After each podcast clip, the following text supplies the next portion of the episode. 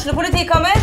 Ine Jansen er purk. Er du purk? The motherfucking bitch. Alt jeg vil, er å finne ut hva som skjedde med mannen min. Jon Carew. Er jeg sikta for noe? Iben Akeli. Det er du. Ole So, Lars Berrum og Big Daddy Karsten. Hvem sin side er du på, egentlig? Anette Hoff, Tone Danielsen, Kommer du fra Afrika? Jørnis Josef, Nesten. Kløfta. Trond Espen Seim, Det er synd å si det, men det var feil mann som døde. Purk. Premiere tirsdag på TV2 Play.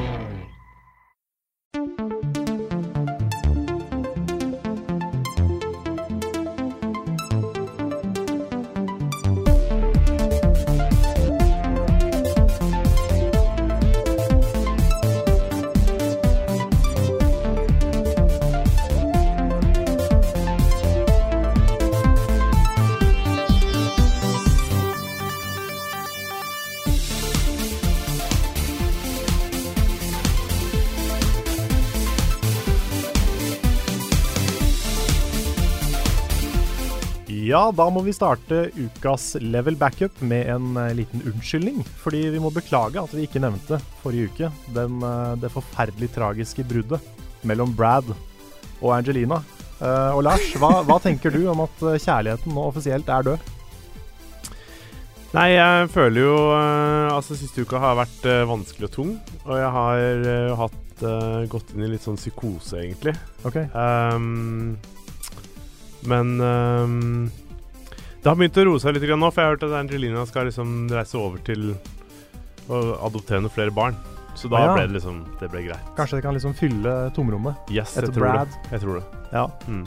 Er det, kommer vi til å klare oss gjennom den krisa her, Rune? Hva tror du? Ja, Vi klarte oss så vidt gjennom eh, krisen uh, Ari Behn og Märtha Louise.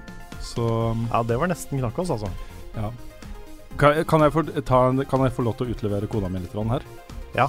Fordi hun, eh, hun er jo ikke så opptatt av kjendiser og sånne ting, men det er et eller annet med sånne eh, høyprofilerte ekteskap og kjæresteforhold og sånt i mediene som hun, som hun trigger litt på. da. Ja. Jeg innser nå at jeg sa ja. Det er egentlig kona di som burde sagt ja. Jeg skulle til å si at det er, jo, det er jo hun som burde tillate det, ikke jo vi.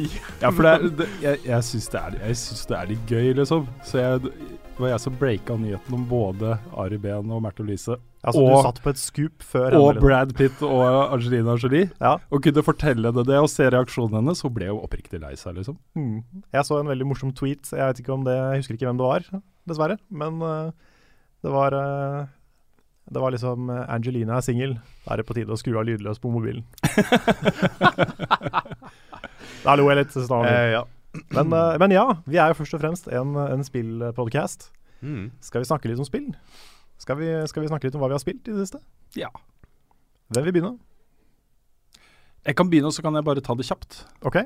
Uh, fordi jeg er jo fullstendig oppslukt i Destiny om dagen. Uh, selvfølgelig. Det kommer en delelse.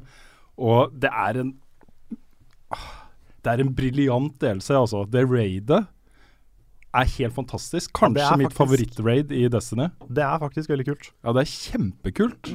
Og nå er jeg midt inne i en quest da, for å få et eksotisk uh, exotic våpen fra det raidet. Og det, den questen er kanskje det kuleste questen jeg har hatt i dette spillet til nå. Jeg har lest meg opp på den questen. Det er helt fantastisk. Det er helt ridiculous hva, de, hva, hva du skal gjøre. Ja, det er helt crazy. Du må jo være matematiker, må du ikke det, nesten, for å løse den der på Ja, eller henge på Reddit. Eller henge på Reddit. Men hvis du liksom skal løse den aleine, ja.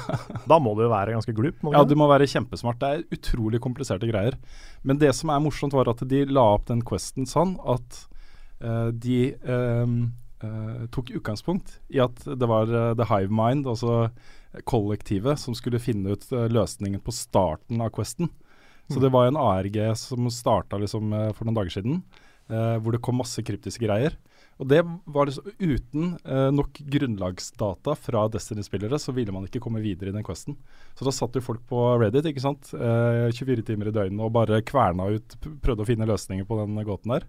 Jeg, jeg, jeg blir så imponert. Jeg syns det er så fett. Jeg får så gåsehud bare av å snakke om det. Det er så kult. Mm. Så ja. Ja, det er litt sånn uh, Souls-communityen opererer. ja. At de går sammen for å liksom løse hva er, hva er egentlig historien, og hva er egentlig budskapet her. Mm. Det er kult. Ja, det er kjempekult. Så um, ja, planen nå er øh, Nå kommer, øh, kommer Trials of Osiris uh, nå. Og så kommer uh, nye Iron Banner på tirsdag. Uh, og så skal jeg, jeg Jeg tror ikke jeg lager en vanlig bare sånn DLC-anmeldelse. Jeg føler at det er eh, mest riktig akkurat nå å lage en sånn 'dette er Destiny'-type guide for folk. Fordi, fordi ehm, det er så mye fordommer mot det spillet. Og jeg, jeg har lyst til å liksom vise folk hva dette spillet egentlig er, da. Ja. Ikke sant? Ja, jeg, jeg kjenner jo selv, jeg har tulla litt med Destiny opp igjennom. Mm. Uh, og jeg syns jo det var et bra spill da jeg spilte det første gangen. Så syns jeg det tapte seg veldig etter hvert i Year One. Uh, men nå mener jeg sånn helt oppriktig at nå er det et veldig kult spill. Ja, bare sånn Arkans eh, Forge, som er det nye um, Court of Warwicks, på en måte. En sånn eh, mini-event, public-event uh, i Playgrounds. Det er jo kjempegøy! Det er dritkult. Jeg har blitt stående her i et par timer liksom og bare tatt bosser og herja og stått i. Det er kjempemorsomt. Så For den som er høyt nok light, så er det sikkert gøy. Fader, altså, jeg prøvde på det et par ganger. Det er helt umulig. er på den perfected. uh, Ja, er altså- tung, altså. Men du må være nok mennesker. Da må det være fem-seks uansett hvor Ja, light du er. Ja, vi prøvde to personer på den en gang. Det gikk dårlig. Det Ja. Vi prøvde med en god del flere også, med et par randoms i det hele tatt. Og da var det sånn at jeg skulle ta den der skjenken. Mm. Og det, bare, det var så nære ved å ta den. Og så presterte jeg å trykke på revive, eller respawn, da, istedenfor å få noen til å revive meg. Mm. Så da sto jeg utafor dette her eh, stengselet da, og så inn på Ja, men da kan du bruke. Siva, Siva Key. Ja, det fant jeg ut uh, etterpå. okay. Så det var uh, Ja, men sånn kan det gå. Mm. Uh, men det er veldig kult. Men det er bare Der har de gjort en ting, og det er bare De pøser på med fiender. Ja. Det er jo liksom ikke noe Hva skal jeg si Skill-nivået er bare at det er Det er for mye å gjøre. Mm. Men det er eh, på en måte litt uh, orden i det kaoset også, for du må liksom gjøre ting i riktig rekkefølge, og så kommer det en sånn ting Ja som du skal ta, og så kommer de øksene til slutt, og så For all del, Ja. men det er fortsatt liksom helt insane Det er en horde mode, på en måte. Ja. Så, og den har de virkelig uh, skrudd opp volumet på. Mm. Så Bra drops, og det er kjempegøy. ja, Mm. sikkert for de som får drops der. Jeg har ikke fått det ennå. Nei da, jeg er nå Jeg er jo lavest light nå. Det er jo helt krise. Ja, du er faktisk det. Jeg skjønner ikke hvordan jeg klarte å komme høyere enn deg. Jeg har ikke Sånn så er det mye. hver eneste delse, Karl. Ja, du Du det. kommer inn, og så pusher du litt. Ja, da har du spilt mye strikes Jeg har sånt, spilt mye, da. Ja. Jeg det. Men jeg har eh, Ja, jeg vet ikke. Jeg, har ikke, jeg føler ikke jeg har spilt Du har vært busy hele uka, du. Har du ikke det? Uh, jo, men jeg var jo med og gjorde raidet på tirsdag, det vi så langt vi kom. Og, jeg har jo, og i tillegg så gjorde, gjorde jeg jo liksom starten av raidet to ganger. Så Og jeg har fått liksom både hansker og sko og chest og artifact og våpen og liksom både secondary og heavy. Ja, jeg, bare jeg, jeg har jo lest meg opp på forhånd da, på hva jeg liksom skal gjøre for å komme fortest mulig opp. Mm. Så jeg har jo drivet og kjøpt ting fra Vendors sånn for å komme meg opp til 350, og så Ja. bare kjørt på videre. Det er også noe jeg kommer til å fokusere på i videoen jeg lager. Eh, slik kommer du da opp i light. Fordi det er så mange som spør, og det er mange som står fast. For det er flere sånne soft eh, caps Mm. uh, i levelinga, Mm. hvor uh, når du kommer dit, så stopper ting litt opp. Og så skjønner man ikke helt. Ikke sant? Det er 350, 365. Mm. Um, og så er det en rundt eh, 380 også, hvor Mm. ting går litt Ja, okay. sakte. Men um, ja. Jeg skal ikke snakke noe mer om det nå, tenkte jeg. Uh, Nei, altså jeg tenkte jeg skulle si en ting, men det er kanskje ikke lov å spoile noe fra raidet her. Eller jeg trenger, jeg trenger ikke nødvendigvis spoile hva som skjer, men det er enkelte steder i det raidet der hvor jeg ble liksom bare sånn Oh my god! Ja, Fordi det. de viewsene som kommer opp Du går gjennom en dør, og så er det liksom Du tenker bare ja, det kommer bare et nytt rom eller noen nye greier, men det er ikke bare et nytt rom. Det er liksom bare insane rom og bygninger og størrelser som du bare Du klarer ikke å se liksom hvor vi så langt ut. Du bare etter hvert liksom bare Å, er det en sånn artifact? Ikke sant? Vi ble jo helt sånn Vi skulle jo ut i mørket der og Mm. prøve å hente sånn herre Siva-ting. Siva Mm. fragment, eller hva det heter. Ja. Mm. Det er um, det visuelle, visuelle uttrykket Ja. i The Raidet. Den derre blandingen av den derre kjølige, litt sånn futuristiske uh, Warmind-Siva-tingen, Mm. liksom, Mm. Og Madmax Deluxe, Ja. liksom, med eh, skikkelig sånn skitten teknologi og sånn Mm. Det er tilfeldig sant. Altså, det er så fett, da! Det er Ja. så kult. Det er kanskje det visuelt kuleste raidet. Ja, ja jeg syns også det. Ja. Det er Walter Glass vil alltid ha en, liksom, en spesiell plass i hjertet Ja. mitt. Ja, siste området i Volton Glass er stilig, da. Ja. Det der svære Fortress of Solitude-stedet. Mm. Mm. Det også er kult, altså.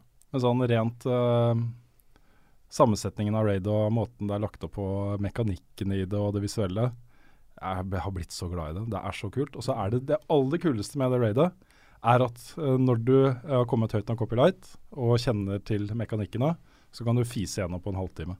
Mm. Det er kjempe, det er veldig behagelig, altså. Ja, jeg skulle si en ting der, for kan jeg si én negativ ting? Ja da, vi kommer tilbake til er negative ting. si negative ting. ja. Vi kommer Nei. tilbake til Destiny litt senere i nyhetsspalten, og da kommer det også litt negative ting. Ok, Så, ja, ja nei, Det er ikke så negative ting. Det eneste er at jeg, jeg syns Raider også er dritkult, men eh, jeg ble litt skuffa over mekanikkene. Jeg følte de var veldig lite varierte.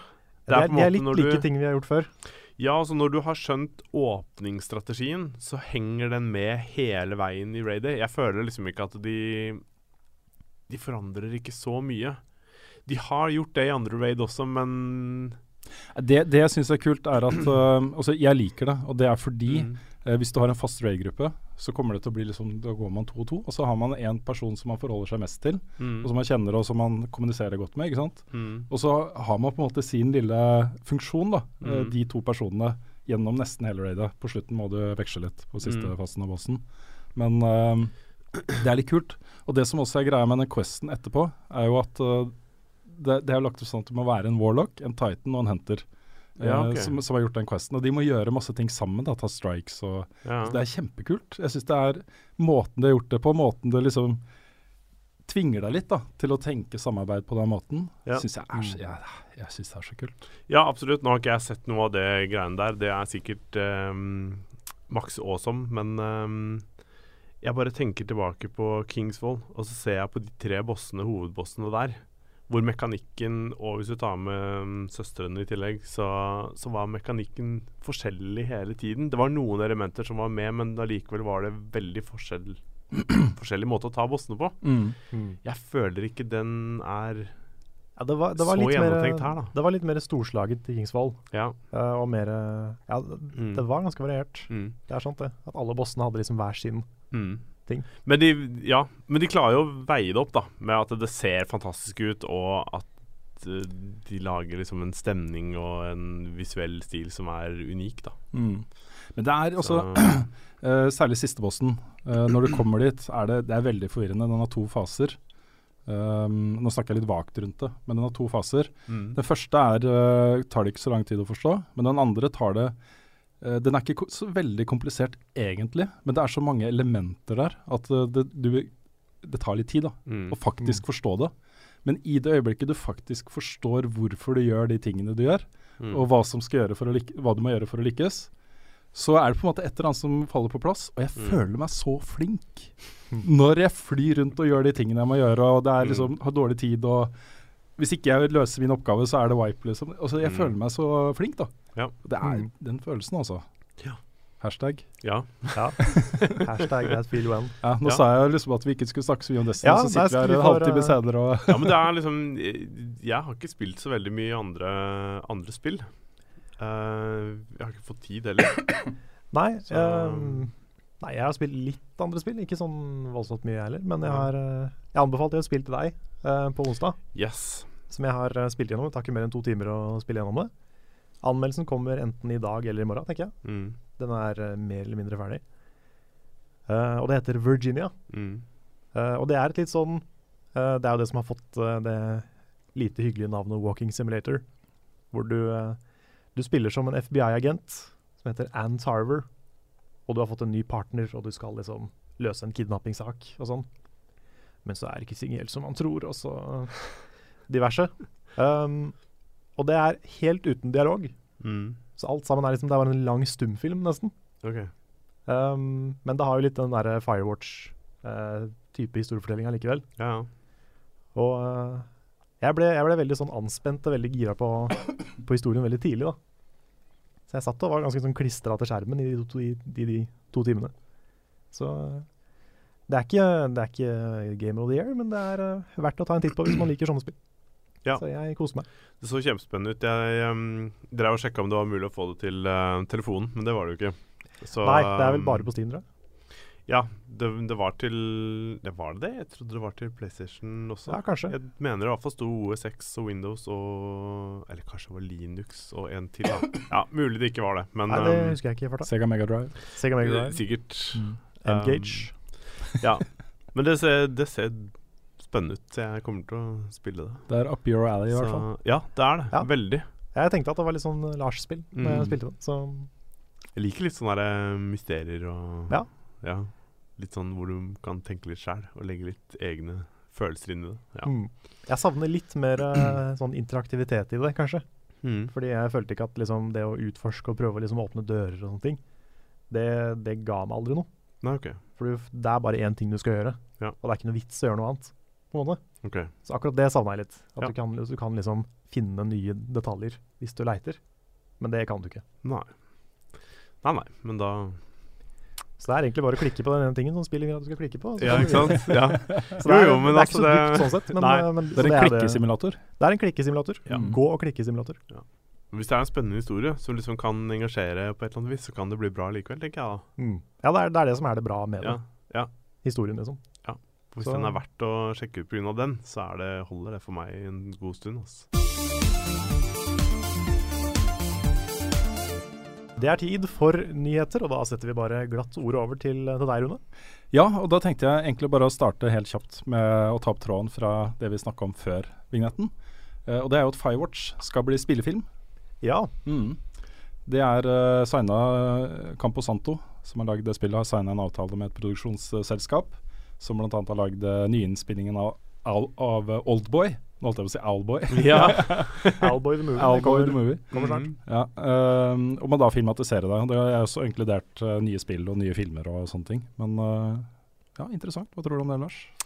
Jeg gleder meg veldig. Jeg er veldig spent på hvem de kommer til å ha som skuespillere. Mm. Fordi voicen til Henry og um, Delilah? Del, na, Nå satt det navnet litt sånn støkk Ja. hos meg, men det er Delilah, ja. Uh, de har en uh, unik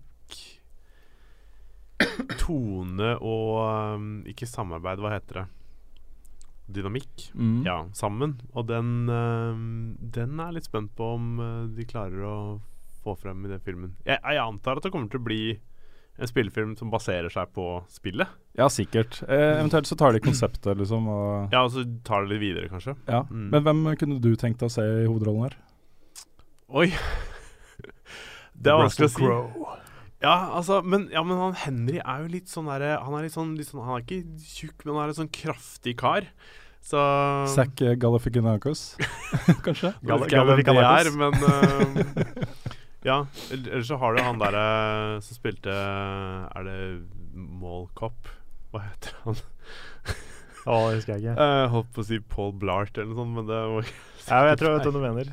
Ja ja, men uh, uansett. Um, jeg, jeg vet ikke. Det har jeg ikke tenkt på. Nei, det er greit. Uh, men jeg håper i hvert fall at de klarer å få fram det den dynamikken som er i spillet. Mm. For det er stemmeskuespillet til de to som som snakker i, eh, i spillet, som er magien der. Ja. Mye av det, i hvert fall. Mm. Og den føles så ekte og Ja. uanstrengt. Og det er eh, Det er lenge siden jeg har hørt noe sånt i et spill, altså. Mm. Greit. Uh, nyhet nummer to. Jeg nevnte jo tidligere at, uh, at vi skulle si noe negativt om Destiny. Eller i hvert fall at jeg Ja. skulle gjøre det. Okay, ja. Det er jo at Hold dere fast, folkens. Det jo eh, Det var jo mange som ble litt bekymra da Destiny eh, innførte Eller Bungie og Activision innførte mikrotransaksjoner i Destiny. Uh, Fram til nå har det kun vært eh, kosmetikk. Også det har kun vært eh, items som du egentlig ikke trenger, Mm. men som noen syns er kult å ha. Det er en sannhet med modifikasjoner, fordi i uh, Taken King så kunne du kjøpe disse boksene, og i den så var det uh, en sjanse for at det droppa boostere for uh, Vanguard, for Crucible og for uh, Prison of Elders. Og det er jo sånn som er på grensen til pay to win, fordi da kan du liksom ranke Crucible og Vanguard og uh, Prison, altså Varix dobbelt så fort som de som ikke har det. Og du får dobbelt så mange sjanser til å få sånne god roll, våpen og armor. Ikke sant? Mm. Så det er eh, De som spiller det mye, får kanskje da tak i de beste våpnene før de som ikke gjør det. Ikke sant? Mm. Nå selges disse, eh, disse boosterne uh, separat. Uh, det Å, ja. koster ikke vanvittig mye. Det er liksom 200 silver for en sånn pakke på tre. da. Uh, og 200 silver er jeg vet ikke, en 10-20 kroner eller noe sånt. Jeg, jeg husker ikke helt hvor mye det er. Det er ikke så veldig mye. Nei. Men det er Jeg mener de har beveget seg over grensen. Jeg kunne ønske, skulle ønske at de boosterne ikke var der. Fordi uh, det er Jeg mener det er over grensene.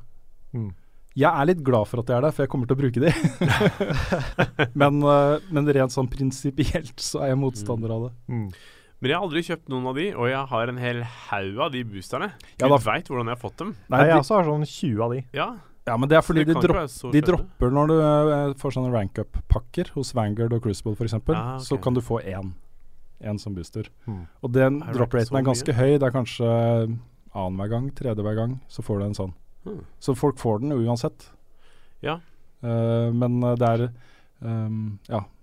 Hvis du skal farme, liksom. Hvis du skal Mm. inn og bare spille Crucible for å farme reputation, Mm. så eh, Ja, det, det lover jo ikke godt for Destiny 2 hvis det begynner der nå. Nei, for jeg tror de tjener ganske mye penger, penger på dette her. De gjør nok det. Uh, og det de også selger nå, er jo sånne ornaments til, uh, til eksotiske våpen. Eh, som får de til å se ganske kule ut. ja, for de er i en sånn pakke, ikke sant? Ja da, Det også får du en i uka av ved å gjøre en aktivitet. Ja, fordi vi gjorde Nightfall. Og da var bare når vi var ferdig med den, så var det sånn Ja, vær så god, her har du en sånn eh, Year One Emote-pakke, og så har du en sånn herre Vet ikke hva den pakka heter. Men der Jeg fikk jeg en sånn greie, da. Ja. En sånn pakke, og jeg fikk en sånn herre Det eneste som var litt kult, var at jeg fikk, en ku, jeg fikk den kuleste skinnet til Ark Salo Supercell. Ja. Um, så, så det var jo kult, men samtidig så var det sånn herre Why? altså, jeg, føl, jeg følte ikke at det er noe jeg har lyst til å få i Nightfall. Nei, det er en sånn Jeg vet ikke. Jeg uh, har sånn Syns det er litt kult å Mm. endre Truth til et Den er fullstendig gulldekka. Altså Det ser ut som et gullvåpen. Alt er gull, liksom. Ja. Uh, Mida Multitool har en som heter Spec-Ops, som gjør den helt svart. Altså det, er- Kult. det er kult, ja, det er det. men det er ikke kult. veldig nødvendig. Nei, det er, kul, det er kult med skins. Um, Det er litt sånn som Amibo. At du kan kjøpe sånn gull-Mario, og så kan du få gull-Mario i spillet. Ja, ikke sant? Ja. Jeg, jeg liker hvordan du trekker inn andre spill når vi snakker om Destiny. Ja, litt sånn for å liksom bare, myke det Ja, opp. sånn eller- i tilfelle noen ikke Noen detter litt ut. Så, Ja, ikke Så det er ikke så ille. Mario. Ja. men, det- men det er også den ornament-tingen der syns jeg er for så vidt innafor, for det er um, ja, det er en skin og utseende. Det syns jeg er helt greit at de tar betalt for. Det eneste jeg reagerte på, var at jeg fikk dette her etter en Nightfall. mm, Og jeg føler litt sånn derre det, det er litt både sånn Vi har ikke noe bedre å gi deg, pluss at vi liksom Se hva du kan få hvis Ja. du kjøper en sånn en. mm. Så jeg var litt sånn herre Nja. ja. Jeg fikk det siste jeg fikk i Nightfall, var en eh, 387 sniper. Å. Mm. Ja. Men uh, jeg kjenner jo personlig, jeg skal ikke henge ut uh, hvem det er, men jeg kjenner jo en jeg spiller mye med som bare sende meg meldinger av og til. Bare skyt meg så med bilde av at han har vært inne og brukt penger på silver igjen for å kjøpe ting, liksom. så det er folk som bruker penger på dette her. og det Ja, er- men altså Jeg, jeg syns ikke man nødvendigvis skal føle seg noe ille av den grunn. Hvis man har penger, så Fordi er det greit. ja, for hvis du har penger til det, Mm. og dette er noe du syns er kult, og du bruker mye tid på spillet, så why not? Mm. Nei, det er så, sant, det. Jeg, men jeg skjønner også litt hva han føler. Fordi uh, jeg, har også, jeg har også hatt et sånt spill. Mm, Uh, det var jo et mobilspill av alle ting. Og mm. Der er det mye dritt. Um, og det har er det hendt Kingdom- Ja, det er det derre dritt. og jeg har jo spilt det ganske mye. Og det er jo basically pay to win. Du Ja. kan spille det som free to play, men det er så grindete og så kjipt. ja. Og det har jo hendt at jeg har brukt penger på det. Og jeg er så sur på meg sjøl for at jeg Hvor gjør det. har du brukt, Carl? Nei, det vet jeg ikke, men det er, det er, Ta, ta en wild guess. det er noen hundre. Det er, det er ikke helt bra. Er det liksom mer enn et uh, fullprisspill? Jeg tror, tror det er rundt der. OK. Og jeg har jo og fa faktisk også brukt en god del tid på det. Så det er jo sånn jeg har rettferdiggjort det for meg sjøl. Ja. Men jeg føler meg så dust hver gang jeg gjør det. Mm. Og det er litt sånn free to play-spill er. Mm. Fordi du føler deg jo liksom uh, du, du blir så sliten, og du blir så sånn du føler at du har tapt da, Mm. når du begynner å bruke penger. Ja. Det blir et sånn nederlag hver gang. Og det er sånn den sjangeren er ofte. Mm. At liksom du, du blir jo ikke glad når du Mm. bruker penger. Det er sånn, du, du kjøper noe som du føler at du trenger for å komme videre. Mm. For å få mer glede ut av spillet, men samtidig så bare Mm. sitter du der og øh, Ja. Idiot, liksom. Ja, altså jeg skal kanskje heller ikke henge ut noen, da, men jeg kjenner jo noen som har brukt ehm, nærmere 40 000-50 000 på et sånn free to Play-mobilspill. Oi. Jesus Christ. Um, Det er skummelt. Og det som skjedde der til slutt, var jo at uh, personen var bare sånn Vet du hva? Nå må jeg avinstallere og blokkere og aldri installere spillet igjen. Hvis så klarer ikke å slutte å bruke penger på det. Eh, hvis man har penger til det, og man blir litt sånn addicted på, og glad i sånt spill, jo mer du bruker på det, jo mer jeg føler jeg at du liksom Nå må jeg spille det. Jeg har brukt så mye penger på det. Ja, for det er det Altså, òg. Du blir fanga i en sånn greie. Nettopp. Fordi nå har du investert så mye tid og så mye, penger i det. Ja. Da kan du ikke bare legge det fra deg. For da er det i hvert fall bortkasta. Men altså, det er mye penger. Ja, det er mye penger. Herregud. Ja. Ja. Det, ja. Men vi hadde en oppgave på skolen for noen år siden. Mm. Eh, det begynner å bli mange år siden. Men eh, vi skulle analysere Cityville på Facebook. ja, var det det Facebook-spillet? Ja. Ja. Sånn uh, systemdesignet i Cityville. da. Det var en sånn spilldesignklasse. Mm. Og da måtte jo hele klassen spille Cityville. Og da, fikk vi, da ble vi liksom utsatt for alle de der eh, Inviter alle vennene dine for sånn og sånn. Ah. Og i tillegg så kan du bruke masse, masse penger. Mm. Det var, jeg tror ikke det var noen i klassen som brukte penger på det. Men vi så noen sånne forumposter med liksom eh, 'Hjelp, jeg har brukt opp hele månedslønna mi på dette spillet'. Jeg klarer ikke å vente på disse bygningene som har kommet. ikke sant? Nei. Det er skummelt, ass. Du, apropos Facebook, eh, en liten digresjon. Liker du Quick, Quick Lunch på Facebook, eh, Carl? Det er jeg ikke sikker på. Nei, for det sa Facebook at du gjør, skjønner du. Det Ah, er ja. den greia. Carl eh, Martin Hogsnes og en eller annen venn og 13 andre venner liker Quick Lunch på Facebook, og så er det sponset link til eh, et eller annet Quick Lunch. Å ja, ok. Men det er ikke at du har lika Quick Lunch side eller noe sånt? Eller lika en Jeg sånn tror ikke jeg har gått inn på Quick Lunch og lika. Nei, men kanskje du har sånn Nei, det, det, er- ikke sant? Jeg, jeg, tror det, jeg tror de bare tar noen random navn fra lista di. Ja, det Jeg kan tror det er en ganske sånn kjip uh, marketingting. Men det er, altså, jeg har helt sikkert nevnt Quick Lunch på Facebook en Ja, gang. kan. Så kan hende det er det. Kanskje du har tagga Quick Lunch en gang. Nei, jeg har ikke gjort det. Det er i så fall før Kvikk Lunsj ble taggbart. Mm. Men jeg har sikkert nevnt Kvikk Lunsj før Kanskje, det ble har, en page. kanskje du har skrevet 'Jeg liker Quick Lunch' en eller annen gang, og så er det bare Da er du jo innafor. Mm. Et eller annet sånt, ikke sant? Ja. det, er, det er helt sikkert noe sånt. Mm. Men jeg får også poste fra sånne pages som jeg aldri har likt. Ja. Sånne pages. Pages, ja. Sånne sider Pages. som jeg aldri har Ja. liksom gått inn og lika. Greit. Nei, men mikrotransaksjoner i Destiny jeg, jeg tror ikke vi har sett eh, slutten på dette her også. Det kan, Nei, det det. kan bli interessant å følge den utviklinga. Um, ja. Uh, siste um, en, en Destiny-nyhet til. Det har jo lekka en del informasjon. Uh, Kotaku har jo vært uh, flinke og har gode kilder i uh, Bungie. Jason Schreier, er det ikke det han heter? Jo, Mm. så, som har da fra flere kilder fått uh, bekrefta at Destiny 2 kommer til PC. Og det er også snakk om at det skal være en reboot eh, av Destiny-universet. Uh, og mange har jo tatt, tatt det til å bety at uh, du må starte en ny karakter. uh, og du starter helt på nytt. Og det har jo fått veldig mange til å reagere ganske kraftig. Fordi eh, mange har gått inn i dette spillet her under løftet om at dette er en tiårsting. Mm. De har Mm. sagt rett ut at det du gjør i Destiny, eh, karakteren din, uh, Grimmar-scoren din, sånne ting liksom, vil bli med deg i hele løpet til dette spillet. Mm. Og Hvis det går bort fra det, så er det mange som kommer til å bli ganske for, forbanna. Altså. Ja, men det, det kan jeg skjønne. Ja. Jeg også. Jeg, kom, jeg hadde Ja. Uh, på den annen side så uh, Nå er jeg spent på hvordan du hadde tenkt å ja. fullføre den setningen. Ja. Nei, på, på den annen side så er det jo sånn at Kotaku-artikkelen sier jo ikke at, uh, at du må starte fra scratch. Nei. Ehm, så, så det får meg til å tro at ok, det kommer til å skje et eller annet som gjør at man starter på nytt, men at du beholder Grimmar-scoren din. Kanskje du får noen emblems og sånne ting som viser at du har vært med fra starten av. Kanskje Mm. det er et eller annet altså Du får noe unikt da, Mm. uh, som representerer uh, veien din i Destiny. Ja. Og Ja, det, det- det hadde vært greit for meg. Ja, for det de, det de har sagt, er jo det at uh, Destiny 2 kommer til å være såpass annerledes. Ja. At det du har gjort i Destiny 1 ikke er så relevant. Nettopp. Eh, men det de burde gjøre da, det er jo det som Mass Effect gjør. At du, eller i hvert fall Mass Effect 1, 2 og 3 gjorde. At selv om Mass Effect 2 er et kjempe annerledes spill fra eneren, Mm. så kan du fortsatt import importere figuren din. Mm.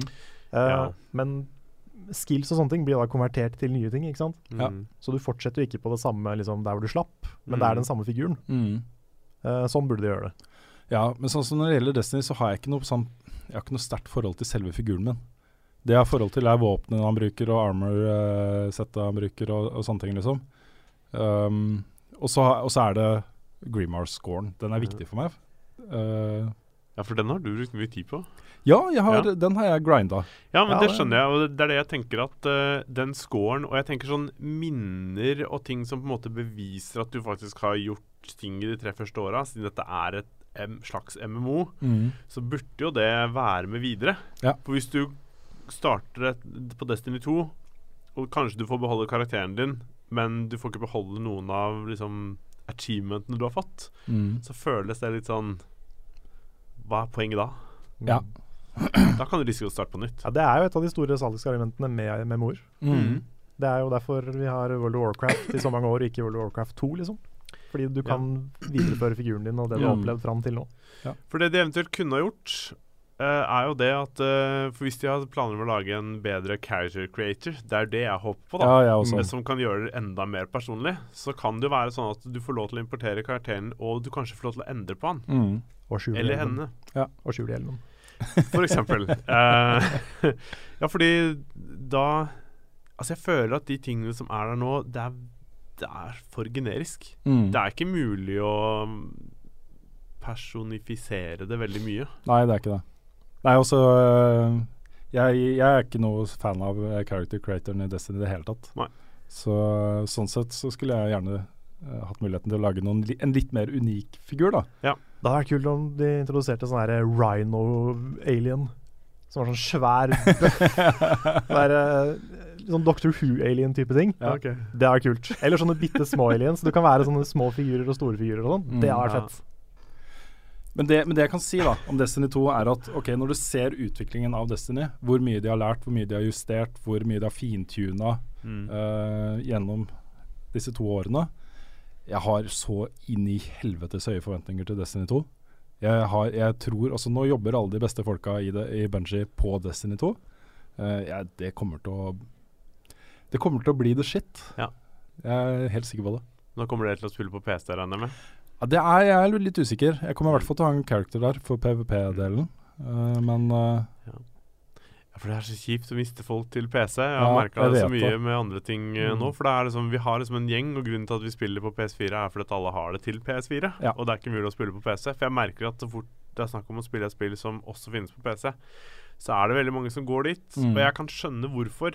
Um, men um, jeg er ikke sikker også. Hvis alle jeg spiller med da, når Destiny Mm. 2 kommer, blir, forblir på PS4, så gjør jeg det også. mm. For det er det viktigste med Destiny-opplevelsen for meg. Det er jo folkene jeg spiller sammen med. Mm. Ja.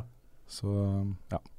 Uh, en siste nyhetssak uh, er jo en Jeg vet ikke. Jeg har ikke lyst til å gå så veldig i detalj på den, fordi det åpner opp en sånn can of worms som er eh, eh, ikke noe vits i å åpne akkurat nå. OK, er det Ja, Palmer Lucky? det er det. Ja. Uh, og det er jo en interessant sak for spillmediet, så vi tar den. Og det er jo, det viser seg at uh, Palmer Lucky, som grunnla Oculus og skapte Oculus Rift, har donert 10 000 dollar til en organisasjon som er anti-Hillary Clinton og pro Donald Trump. Eh, de kjørte en sånn meme-kampanje på billboards, jeg tror det var i Pittsburgh i USA som er sånn latterliggjøring av Hillary Clinton. Det er Mm. på en måte utgangspunktet for arbeidet deres. da. Uh, I tillegg så uh, mener da uh, The Daily Beast, som er et nettsted, å kunne dokumentere at Palmer Lucky også står bak et brukernavn på Reddit, som har posta lange sånne rants mot Hillary Clinton der, da. Mm. Det er også noen som hevder at han var med å grunnlegge denne organisasjonen, men det er litt mer vagt. Okay. Uh, så, det, så det blir på en måte bare spekulasjoner. Men konsekvensen av det er interessant. Også uavhengig av uh, hvem av president, presidentkandidatene i USA som man heier på og ikke osv., så, videre, så er jo eh, dette et kontroversielt valg han har tatt. Mm. Uh, mange eh, er veldig lite glad i Donald Trump.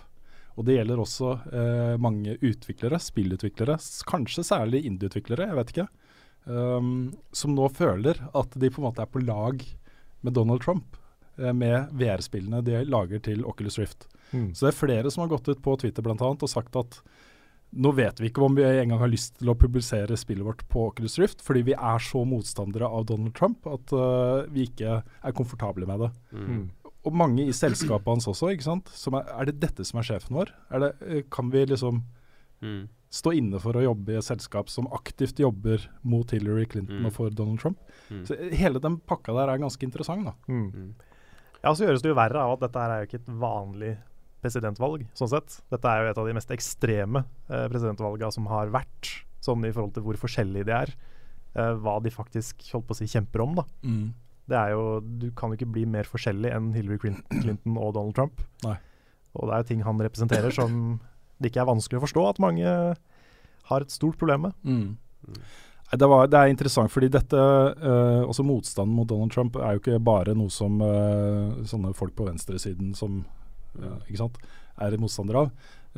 Nå takker jo senatet i USA for seg snart. Det skal settes sammen et nytt senat. Og han som har vært eh, Han har vært mange, mange år eh, senator. Jeg husker ikke hva han heter i farta, men eh, en av de eldste. da Han går av med pensjon nå. Eh, holdt, en, holdt et innlegg i Senatet nå for noen dager siden eh, hvor han eh, eh, sa han skamma seg over måten republikanerne i Senatet har uh, behandla Barack Obama. Fordi det har jo vært De har jo liksom blokkert alt mulig rart. Og han har ikke fått ha en åpen høring om en ny uh, høyesterettsdommer. Og det er masse De har jobba aktivt da for å blokkere uh, Barack Obama hele veien. Og han sier at det er dette klimaet, uh, dette veldig sånn lite samarbeidsvillige klimaet, som har skapt Donald Trump. Som har gjort det mulig eh, Ja, OK. Det blir veldig politisk dette her. Ja, det gjør det. det, gjør det. Ja, jeg vet, altså, ja, jeg vet ikke om det gjør noe. Om, Nei. om det er, om det Men blir- kan, kan jeg få bare stille et spørsmål bare for å liksom klargjøre dette her litt? Ehm, la oss si at jeg kan ta en litt mer sånn uvitende og- Du kan være han dumme, liksom. Ja, for, Ja. å- ja, jeg vil ikke nødvendigvis si dum, for det er jo en del mennesker som ikke nødvendigvis har interessen og sånne ting her. Mm. Uh, og der jeg tenker at Når du tar opp den saken, så er det sånn Hva har Paul Lucky egentlig gjort gærent? Har han gjort noe alvorlig galt i den saken, her, annet enn at han støtter en organisasjon som, som i all forståelighet mange er imot, og, og ikke minst en person? Men allikevel så er det sånn Har han gjort noe fundamentalt gærent? Jeg vet ikke om han har gjort noe ulovlig. Nei, men han har jo gått under et alias. Ja. på en måte. Han har jo skjønt at Men- hvis, det, hvis det ble kjent at han hadde gjort disse tingene, så ville det skapt kontroverser. Ja, du, du kan jo sammenligne det litt da, med at hvis vi f.eks. skulle brukt uh, våre Patrion-penger Mm. på å funde en høyreekstrem gruppe i Norge, på en måte. Det er litt det samme. Ja, eller, ja, eh, Føler du at det er så høyreekstremt? Ja, altså, det, dette, er jo, en- dette er jo en hatkampanje, først og fremst, er det ikke Ja. det? Ja, det hatet mot Hillary Clinton er uh, ganske sterkt. Men Nå- går, ikke det, går ikke det begge veier? For det er ganske mye, mye drømt, drøyt mot uh, Trump òg, da, som, som tar igjen, liksom. Og, og ja, det er forståelig dette her, men allikevel så er det sånn Ja, eh, kan, kan ikke jeg bare avslutte med å så ta bare en generell betraktning rundt det, Ja. og så gå videre? Ja. Okay. Fordi dette her, nå er vi over på den derre alt-right-bevegelsen, som er, har blitt innmari svær. mm, Altså Den er stor i Norge, den er stor overalt. mm, Eh, den er kanskje størst nå i USA, fordi Donald Trump uh, representerer jo litt den bevegelsen. Med Breitbart og Milo og hele den pakka der, liksom. Ja. Det er en sånn stor ting som er i ferd med å liksom vokse fram overalt. Som jeg tror er en sånn ting som alle på et eller annet tidspunkt må sette seg litt inn i og ta litt stilling til. For det er, eh, eh, det er ting der som det er verdt å diskutere. Også holdninger og eh, Mm. politiske meninger uh, osv.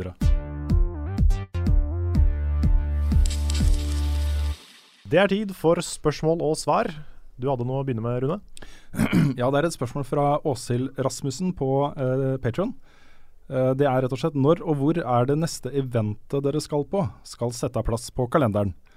Og det er to ting vi skal gjøre, det er tre ting vi skal gjøre nå i høst. Eh, det er eh, konsoll i Bergen. Eh, det er uh, Eclipse 2, Smash-turneringa til uh, Pressfire. Stemmer. Eh, begge deler er rundt sånn 20.-22. oktober. Og så er det Spillekspo, som er i begynnelsen av november. Ja, stemmer. Så det er de tre eventene som vi har uh, spikra foreløpig. Mm. Vet ikke akkurat hvilke dager vi er på de forskjellige tingene, men på Eclipse så tror, det, tror vi det blir eh, søndagen. Og vi skal også finne ut av uh, litt mer detaljer rundt det, fordi uh, Patron-backerne våre vil få redusert pris, inngangspris, der. Ja, OK, kult. Så det blir en egen greie. Vi skal ha et opplegg. Ja, det opplegget er jeg spent på. Ja, Jeg håper vi får med Svendsen på det. Ja, For det han, er jo, han er jo Smash-mannen yep. i enda større grad enn kanskje resten av oss. Mm. Så det er stas. Ja. Ja, vi kan ta et spørsmål fra Andreas Røise Haakonsen. Han spør har dere noen meninger om spill dere tror kan beskrives, beskrives som kontroversielle. Er det f.eks. et folkekjært og eller høyt elsket spill dere rett og slett ikke har hatt sansen for? Det går fra politikk til andre kontroversielle temaer. Ja, det blir kontroversielt. Jeg føler mer at det er motsatt. Eh, at jeg på en måte er kontroversiell i at jeg føler meg veldig alene til å digge f.eks. Uh, Firewatch så mye som jeg gjør. For det er mange som på en måte har likt det, men det er ingen som liksom syns det er så bra som jeg syns. For, for meg så er det Game of the Year. Mm. Men jeg syns det også er et poeng, da. Uh, fordi jeg, jeg, personlig er ikke så veldig glad i å lese sånne der, spill andre liker, men jeg ikke liker artikler, f.eks. Uh, for jeg føler ikke nødvendigvis at det er så veldig sånn nyttig. Altså det, det, er nyttig altså, med, det er nyttig med forskjellige perspektiver. Uh, ja, men det, det, er jo så personlig, ikke sant? Ja. Det, det, går ikke an å bestemme at jeg eller du skal bestemme hva verken du eller noen andre skal like, liksom. Nei, så det å si at noe er oppskrytt, på en måte er litt sånn Jeg vet ikke, jeg føler ikke det er sånn superproduktivt bestandig, da. Mm. Jeg har litt en sånn uh, nå uh, med uh, Forza Horizon 3, som jeg bare spilte og anmeldte uten å vite noe om hva andre mm. syntes om. Mm. jeg var sånn passe fornøyd. Jeg syns deler av det er dødsbra, og så syns jeg deler av det er litt slitsomt. Mm. Så jeg har gitt det ganske mye lavere. Det er jo folk som mener det er det beste bilspillet noen gang, og sånne mm. ting. Så Ja, riktig. Mm. Ja. Så du har vært litt strengere? Litt strengere. Ja, men jeg jeg syns det er bra, jeg, da. Fordi at jeg mm. føler liksom ofte at uh, spill vi uh, kanskje gir litt bra på, blir liksom sett ned på av andre og mottatt. Da har du på en måte uh, flere anmeldere og sånn som gir varierte synspunkter på spillene. Mm. Det må jo være bare helt supert. Ja da, jeg syns også det er bra. Ja. Og så har jeg en motsatt. Det var et spill som kom for mange år siden på PlayStation 2 som het Primal som fikk uh, ganske hard medfart egentlig nesten overalt. Det var også et spill jeg bare spilte og anmeldte og ga min ærlige mening om, uh, som jeg likte veldig godt. Jeg ga det femmer uh, i VG. Um, da, da, følte jeg meg litt alene. Det var litt sånn rar opplevelse. Hmm. Det har akkurat kommet ut uh, nyutgivelse på PS4, så ja. check it out. Hmm. Ja, jeg så jo jeg var, jeg var ganske, ganske snill med Recore i forhold til mange andre.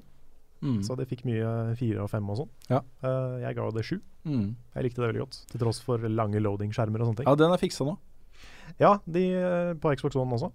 Ja, det har kommet en, eller, de, jobber med kanskje en patch. Det skal ja, komme. Jeg lurer på det, fordi det er noen av de som er fiksa. Okay. Uh, jeg tror ikke alt er fiksa ennå. Nei, greit. Men jeg har ikke dobbeltsjekka det. Ellers så Det er veldig personlig, da. men jeg har aldri helt Uh, det er kanskje det største. Jeg er aldri helt liksom trigga på GTA på samme måte som alle andre. Mm. Jeg, er, jeg syns jo det er kjempebra spill. Det er bare ikke helt meg bestandig. Mm. Jeg sliter litt med å engasjere meg i liksom gameplay og settingen og historien og sånn. Skjønner, skjønner. Så det er, det er, ikke noe om spillet, det er bare min personlige mm. preferanse. Mm. Ja. Skal jeg ta et litt langt? Ja, hvis spørsmål? du har det, så kjør ja, på. Det er langt, men uh, selve spørsmålet er, uh, er, kort. Jeg skal prøve å oppsummere det litt. Det er fra Lars Selstø Roppestad. Jeg kan lese det fordi han beskriver det ganske godt. jeg har et spørsmål som det kanskje ikke er så lett å svare på, men jeg prøver uansett. I løpet av det siste året så har det vært enkelte mennesker de siste årene så har det vært enkelte mennesker som har vært svært kritiske til spill, spillmediet, og som mener at vold og blodige spill fører til mer vold og kriminalitet i det virkelige livet, noe som jeg syns er ganske håpløst. Uh, uh, ja. Det jeg lurer på er, hva tror dere VR-bølgen kommer til å gjøre med denne debatten?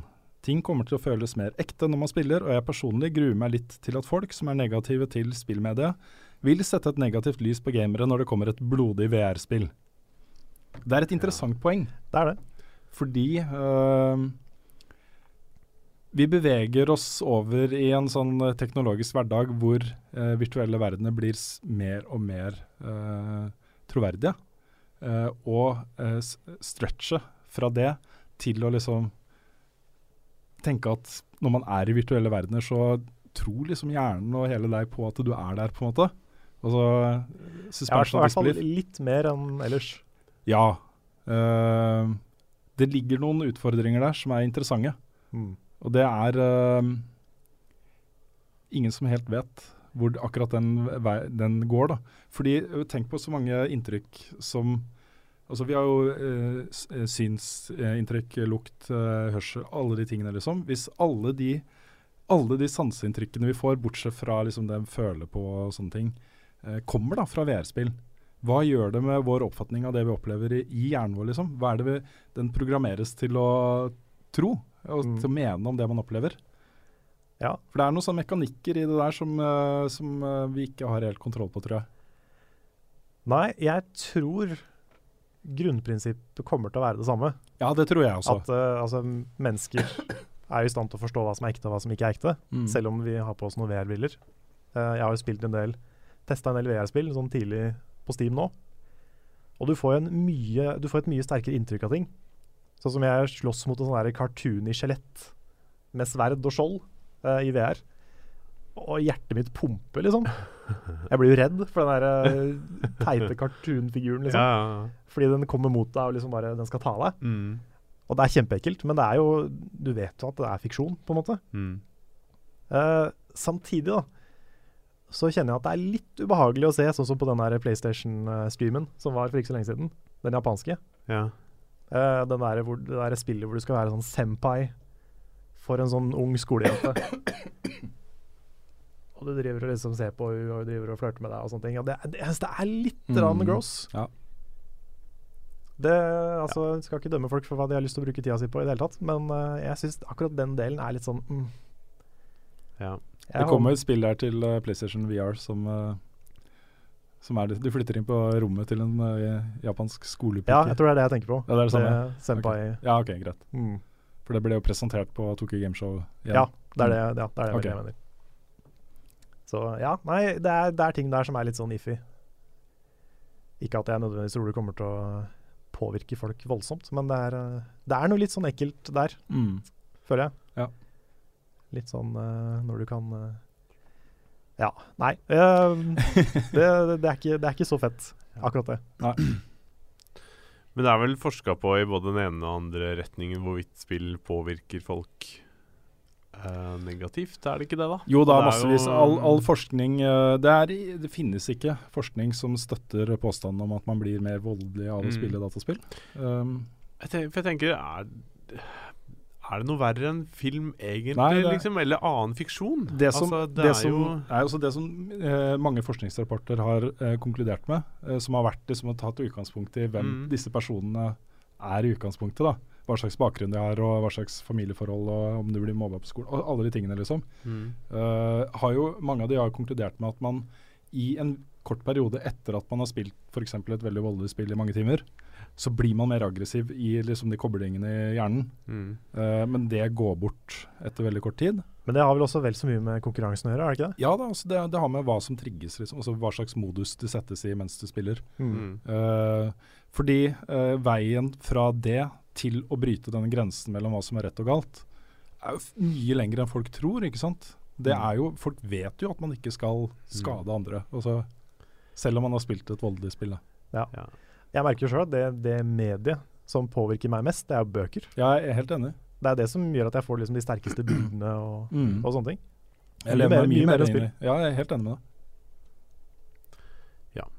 Jeg føler i hvert fall at det er en hel del andre ting som på en måte bør være i fokus og tas tak i før man begynner å se på uh, Altså hva liksom teknologi og fiksjon gjør med oss. Ja, for det man må gjøre da, da må, man, må man jo ta utgangspunkt i, i eh, voldshandlinger, f.eks. Mm. Så må man se på de personene som har utført volden, og så må Mm. man se på bakgrunnen deres. Og da Mm. ser man jo Mm. veldig ofte eh, veldig lik bakgrunn. Og så eh, kanskje mishandling hjemme, kanskje Mm. mobbing på skolen. Mm. Kanskje, også det er mange sånne ting da, som Mm. går igjen. ikke sant? Ja, Ja. folk som faller utenfor, liksom. Folk som faller utenfor. Mm. Og det har jo ikke noe Ja. med spill å gjøre. Nei, Nei, det er sant. Det er liksom andre ting man bør uh, Jeg føler liksom Men det blir veldig politisk, da. Ting man liksom bør gjøre for å hindre at folk skal ha muligheten til å gjøre Mm. voldshandlinger som er ekstreme. Mm. Uh, men det er jeg, jeg, Og så akkurat at politiet beslagla var det 150 eh, automatvåpen som folk hadde kjøpt på Finn i Oi. deler og satt Ja. sammen. Og fullt fungerende automatvåpen. Wow. Eh, ganske sjukt. Ja. For eksempel, da. Ja, Sånn. det er spesielt. Mm. Ja, jeg, jeg tror det, dere har helt rett. At det handler om liksom, hvordan man uh, tar vare på folk som faller utafor og sliter med ting. Mm. At det er det som er uh, mye av utfordringa. Men det som, eh, det, grunnen til at dette er et interessant tema uansett, er jo at uh, hvis VR utvikler seg sånn som jeg tror den gjør, så vil vi jo få virtuelle verdener som er uh, på en måte litt sånn self-sustained. Som har sine egne lover og regler, som har sine egne sosiale strukturer. Uh, som har sin egen moral, eh, og som har sin egen setting og, og samfunnsstruktur, på en måte. Og det, også hvis, hvis de skrus sammen på en annen måte enn hvordan ting er i virkeligheten, hvis man får lov til å drepe noen, liksom, f.eks., uh, og man bor der, på en måte, man er der, man våkner ikke sant, og setter på seg VR-headset og bor der uh, hele dagen til man legger seg igjen, uh, så er det noe annet. Det er på en måte en åh, det er, Jeg, jeg syns det her er så interessant. da. Jeg syns det Ja. er en sånn greie som, som jeg vet kommer, som det kommer til å bli masse spennende debatter om. altså. Ja, jeg ser den. Ja, det blir nok den neste store tingen folk er redde for. Mm. Jeg tror det. Det, Mm. det gjør det nok. Mm. Jeg sånn personlig altså, tror ikke jeg det kommer til å være voldsomt forskjell på det. Nei. Eh, det er bare inntrykka som blir sterkere når du har det rett i trynet. Men uh, nei, jeg, jeg har såpass tro på liksom, menneskers evne til å skille virkelighet fra fantasi. Da. Men hva om, hva om du i hvert eneste våkne sekund bor i en virtuell verden? Hva Men det er det, jo, det er det jo folk som gjør nå også, på en måte. Det er folk som spiller WoW fra de står opp til de legger seg. Ja, men da kan du se ut av vinduet, og så er den virkelige verden der. på en måte. Ja, Du får andre sanseinntrykk. ja jo. Ja, jeg, jeg, det er ikke litt altså, jeg frem i tid før vi er der? Jo da, der, er et Eh, vi, er, vi går dit. Ja, vi er på vei ja dit. Mm, Eh, ja, altså når de verdenene blir så virkelige at du liksom taper deg denne Taper deg dette headsetet, og du, du føler at nå er jeg bare i, på et annet sted, men fortsatt i den virkelige i gåsehudene verden. Så kan det hende at det blir litt uh, kan bli vanskelig å skille. Hvis verden ser basically ut sånn som den gjør nå, Mm. Ja, men altså, grafikken er helt, helt der, liksom. Glem VR-headsetet, for den, går, den forsvinner. Det er, det er Om 20 år så fins det ikke VR-headset lenger. Nei. Da Jeg tror til og med folk vil, eh, vil eh, sette i nye øyne. Og så uh, Ja.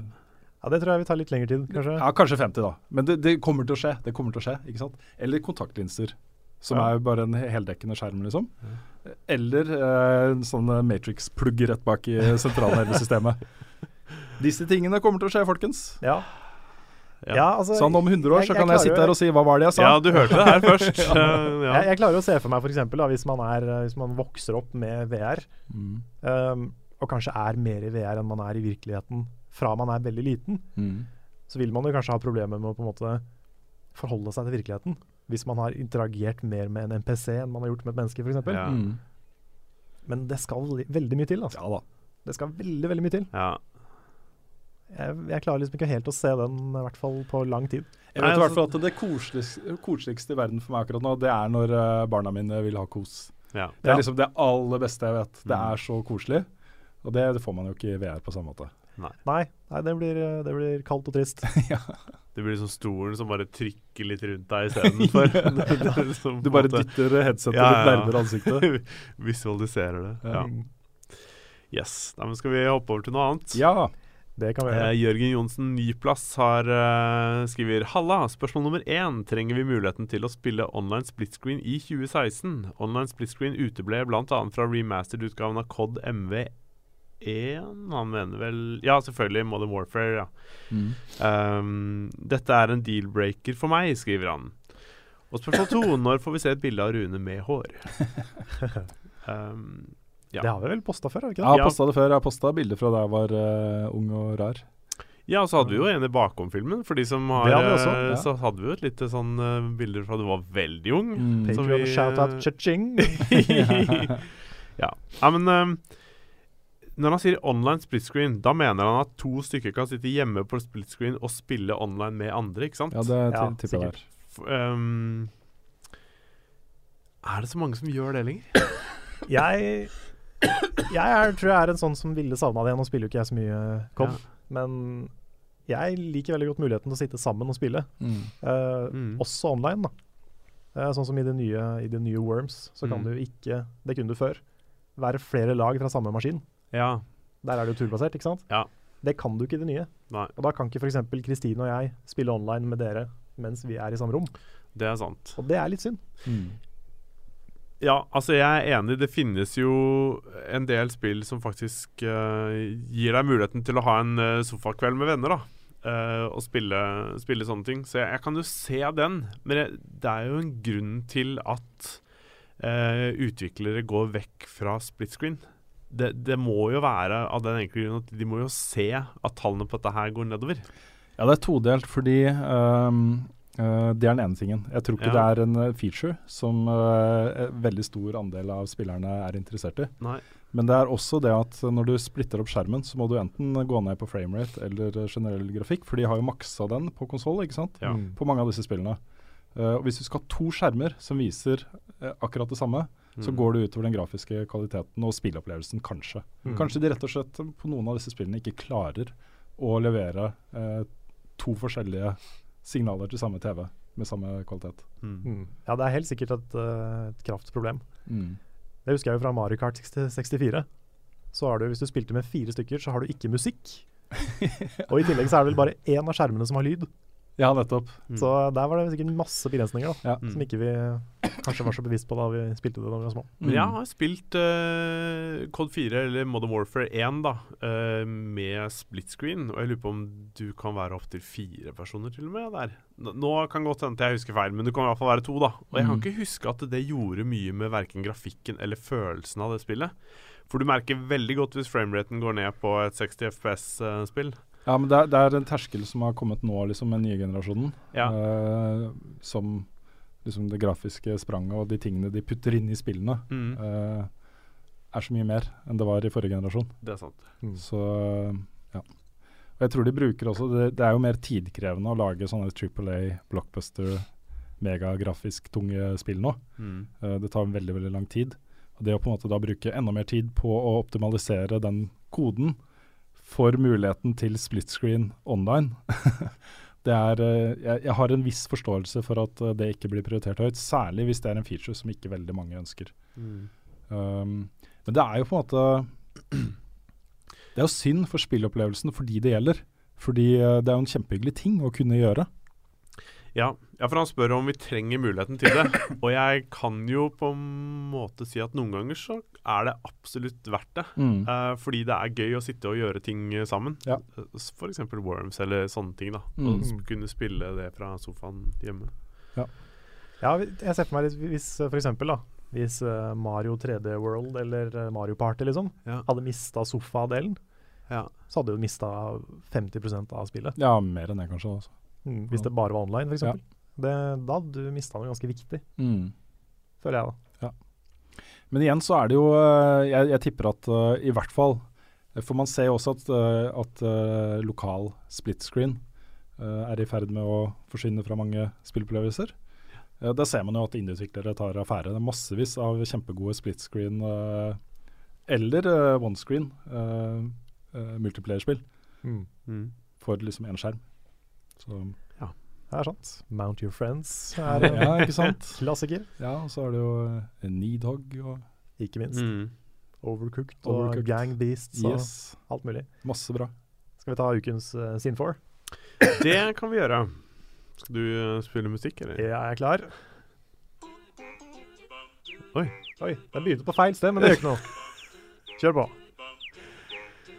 Yes. Another World fra Amiga-tidene var et fantastisk og revolusjonerende spill den gang, skapt og utviklet av kun én person. Er det andre spill laget av kun én person dere har som personlig favoritt, eller anbefaler oss lyttere? Kult spørsmål. Dette var da fra Trond Sinfor Borger, Borger, Borgersen. Det var det. Borgersen. Som blitt vant til denne uken Sinfor, så han, ja. At, jeg, jeg tror det her har blitt en litt sånn greie for han. For han sendte meg en melding på Facebook i går og lurt på blir det ikke noe podkast en uke her. Vi, er dag, vi spiller en dag seinere senere enn vi pleier, ikke sant. Så Ja, det er sant. Ja, sant. Det er samme dagen når vi faktisk kommer ut. Ja, ikke sant. Det er det. Så fersk podkast. Ah, det er så rykende ferskt. Mm. Ja. uh, Braid Braid, selvfølgelig. Og The Mm. Witness. og The Witness. Ja, The Witness er ikke én person. Nei, det er sant. Det er, er de var jo tolv eller noe sånt, tror jeg. Ja, det var kanskje Og så Braid så hadde han jo hjelp av en, eh, av en eh, artist og Mm. en musiker. Uh, Klang? Det har jeg ikke spilt sjøl ennå. Jeg Jeg har ikke fått å testa det teste det. Ja, samme her. Um, jeg har to som er veldig, ve veldig godt likt. Det ene er jo Dust and Elysian Tale. Mm. Det er laga av én person, og det ser helt nydelig ut og er utrolig kult å spille. Mm. Litt sånn beat them up adventure-plattformspill, Mm. som er veldig, veldig bra. Uh, og selvfølgelig Undertale. Selvfølgelig. Det er jo uh, kanskje favorittspillet mitt ever. Mm. Det er helt nydelig, laga av eh, Toby Fox. Ja, ikke sant. Mm. The Stanley Parable. Stanley Parable Mm. og eh, The Beginner's Guide. Ja. Det har, det har jeg faktisk ikke fått spilt, altså. Du har ikke det? Nei. det er verdt å ta en kikk på. Mm. Mm. Jeg vet ikke, jeg. Eh, Det eneste spillet jeg har spilt i nyere tid, i hvert fall som jeg vet er laget av en person, er jo um, Stardew Valley. Mm. Det er sant. Um, men ellers så spilte jeg Fes en god del. Det er vel laget av én person. Det er Ja. mulig han fikk hjelp til noe det er det- er det. grafisk på det. Ja, de var jo flere i starten også. Ja, stemmer. Det, Det var sånn så masse drama med han Ja, masse som, drama. var- Ja, okay. som var med. Ja, for jeg så en sånn indie Er ikke han med i den indie Jo, Indie Game The Movie. The Movie, ja. Ja. Mm. For der mener han hadde med seg en kar på grafisk. Ja da, han har ikke laget absolutt alt selv. Det er han Så jeg ikke. vet ikke om det er innafor å si, men uh, Jeg har en. ja. Tiny Wings. Ja, det er Ja. kanskje en person. Det er en person. Ja. ja. Har lyst til å si uh, Binding of Ice, og sånn, men de er vel også to, er det ikke det? Han Edmund, Edmund Macmillan og han uh, jeg ikke helt. som ikke jeg husker Ja, det er to stykker. Ja. Ja. ja. Ja, nei, men Edmund McMillan er liksom så lett å huske, fordi det er Det så er spesielt alle. Ja, og han er så sånn karakter. Ja. Jeg digga han i Indie Game Movie. Ja, han, samme her også. han var liksom virka som den kuleste, mest sympatiske duden av alle sammen. Mm. Men er det lov å si Minecraft, da? Det Ja, var, det var jo i hvert fall bare én Ja, De var to stykken. Var de det? Ja, Det var jo Notch som var liksom hjernen, men han satt jo sammen med en kompis i leiligheten sin og programmerte det. Så de var to stykker som satt og faktisk kverna ut det spillet. Ja. Men, Ja, eh, da- men det var jo også Han kompisen hans fikk jo bare beskjed om hva han skulle gjøre. Så det er jo på en måte Markus sin greie, liksom. ja. Mm. Han bare fikk teknisk hjelp, liksom. Ja. Um, ja. ja, men nå er det jo definitivt flere enn én person som har vært med å lage det spillet. Absolutt. Nå kommer jo akkurat uh, education-versjonen av Minecraft. Gjorde du det? -hmm. Eller om den lanseres neste uke. Ja, det vet jeg ikke. De har laget en uh, egen versjon for, uh, til skolebruk. Jeg syns Ja. det er spennende. Ja. Det er sant. Fancy, fancy. Men um, han spurte om anbefaling. Jeg vil jo uansett anbefale Stardew Valley. Altså, Ja, da, alle herregud, de spillene vi har nevnt nå vil jeg anbefale. altså, det er jo bra spill. Mm. Mm. Yes. Har du et uh, spørsmål? Uh? Ja, det er fra Eirik Watz uh, på Patrion. Siden Nintendo har offentliggjort uh, sine planer om å lage filmer ut av sine IPs, og IP står for Intellectual Property Hvilke serier har dere lyst til å se adaptert? Hvilke studioer og regissører kunne dere forestille dere i et, et eller flere drømme-adaptions? Vi fikk jo en uh, link til noe som har gått rundt på internett i det siste. Uh, den eh, Studio Ghibli-traileren Ja. til Selda. Mhm. Det har jeg lyst til å se. Jepp. Det kunne blitt bra. Ja, det Det kunne blitt kjempebra. Nydelig, jeg er sikker på. Altså, Det var animasjonsfilm, da. Jeg tror det var live action. Oh, ja, var det Nei, live det er action? bare filmer. Bare filmer. Ja, okay. Ja. For da, da er det det som er svaret mitt. Ja, altså en, eh, en skikkelig fet uh, Zelda-film hadde jo vært Mm. det ultimate. Jeg kan Ja. ikke forestille meg noe kulere uh, IP som Nintendo har. Nei. Nei, det er vanskelig å lage en Mario-film. De prøvde jo en gang, og det gikk dårlig. Ja, ja. Mm. Så De Detective Pikachu også. Jeg har ikke helt uh, Nei, vet ikke helt hva jeg skal tro om det. nei. Men, jeg, men en skikkelig Pokémon-film, det hadde vært kult. Ja, det hadde vært kult. Hvor det er, ja, absolutt. Kanskje til og med sånn live action. Uh, Kanskje. Ja. Jeg klarer ikke helt å se for meg en realistisk Pikachu. Nei, men jeg bare, jeg bare ser for meg at Ja, det kan bli litt creepy. Det kan bli litt ekkelt. det, det, er bli liksom, det er litt vanskeligere enn Transformers å få Ja, det jeg, tror riktig. det, jeg tror du kanskje måtte lagd et helt nytt sett med Pokémons. Som Ja, er liksom da eh, hadde det ikke blitt Pokémon. Nei, Altså. det er for så vidt litt sånn. Det er, men det er vanskelig. Ja. Det, kanskje hvis du er utrolig flink til å lage Mm. liksom 3D-modeller og sånn, så kunne du fått det til. Men Ja. det er ikke lett, altså. Jeg har ikke lyst til å se en, eh, en film eh, basert på Metroid, f.eks. Um, selv om det er mitt favoritt-Nintendo-univers. Så er det et eh, univers for spill med det, mener jeg. Mm. Ja, samme med Mother Earthbound-serien. Ja. Tror ikke det hadde funka på film. Nei, ikke sant. Det må være et spill. Nei, Zelda er det mest åpenbare, tror jeg. Ja, jeg føler det. Kanskje Fire Emblem. Mm. Litt i samme gate. Ja, der er det jo ting som det er mulig å ta tak i. Mm. Ja, ja, nei, det Det er det jeg kommer på i gjerne se en uh, film av uh, Firewatch, altså. Det Ja. hadde vært uh, mm. Tenk om noen hadde giddet å lage det. Ja, fy fader. Yes. Jeg har bare et tips um, Mm. fra Mats Mørk. Okay. Um, eh, han skriver at vet at Lars liker brettspill som f.eks. Risk. Mm. Uh, men har du prøvd brettspillet Game of Thrones? Nei. Det er basically Risk, bare den flaksen uh, med terningkast er borte. Vil anbefale det på det sterkeste.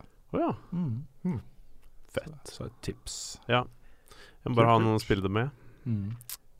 Jeg har fått, jeg har fått et spørsmål her fra dette navnet klarer jeg ikke å uttale riktig, tror jeg. Uh, Manu Ludena Medin. Han Mm. sier møtte dere alle tre utenfor podkastkontoret deres et par uker tilbake. Det husker vi. Det var Det husker vi godt. Ja, det var han, ja. Uh, Eh, han spør Jeg bare lurte på når den gamle kafeen i mathallen holder oppe. er det ikke? Jeg vet ikke. Ja, det skal jeg fortelle deg. Det er eh, Ja, jeg vet ikke. Hva, jeg, vet, jeg skjønte ikke helt eh, hvorfor han spurte oss om det. Nei, jeg lurte på det. Jeg bare lurte på det. Ja. jeg så, Det er funny. Det er Ja, det var fint. Ja, ja. ja.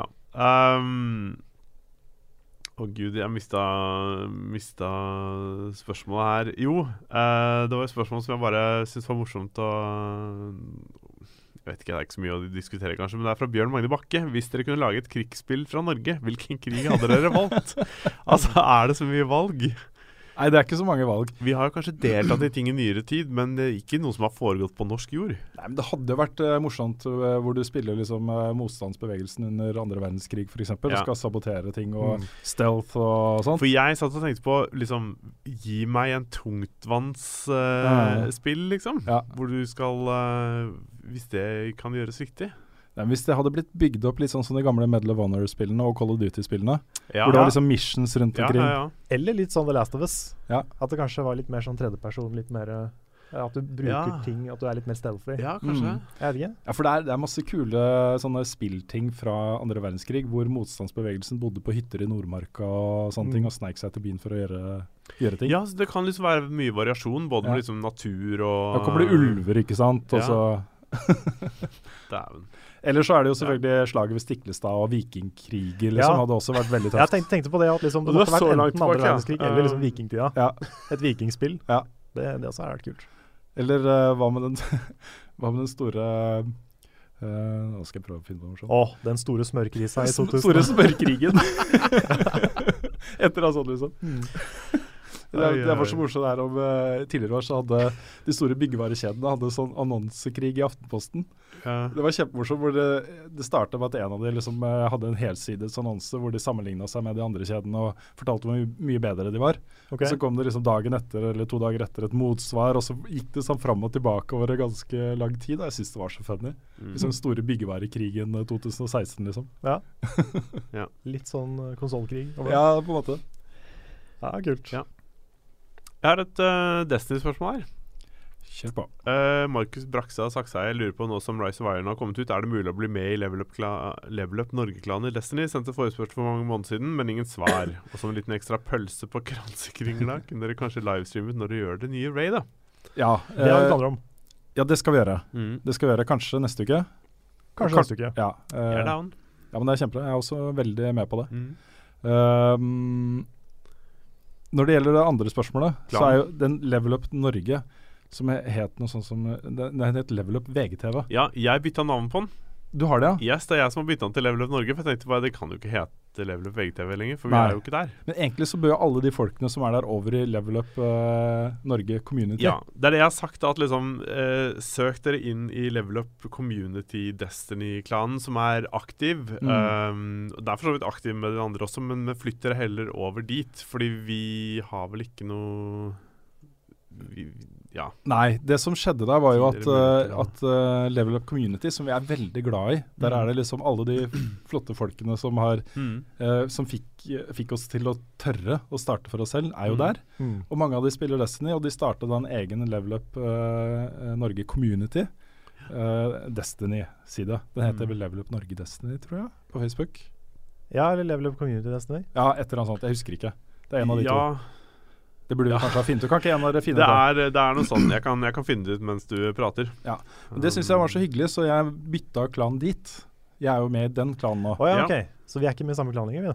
Nei, kanskje ikke. Jeg tror Nei, ikke for jeg har bytta jeg- min. Jeg også er med i den, men jeg bare har ikke fått bytta sånn at det står Level Up Community. greit. Det står fortsatt Level Up Norge på meg, da. Ja, nettopp. Um, Aha. Men det er litt morsomt, da, fordi når jeg er inne på Destiny nå, så er det jo eh, ofte uh, like mange mennesker nesten på mm. For det er egen klanside som har kommet nå i nye DLC-en, hvor de som er i din klan, kommer opp Mhm. som en egen ting når du logger deg på. mm.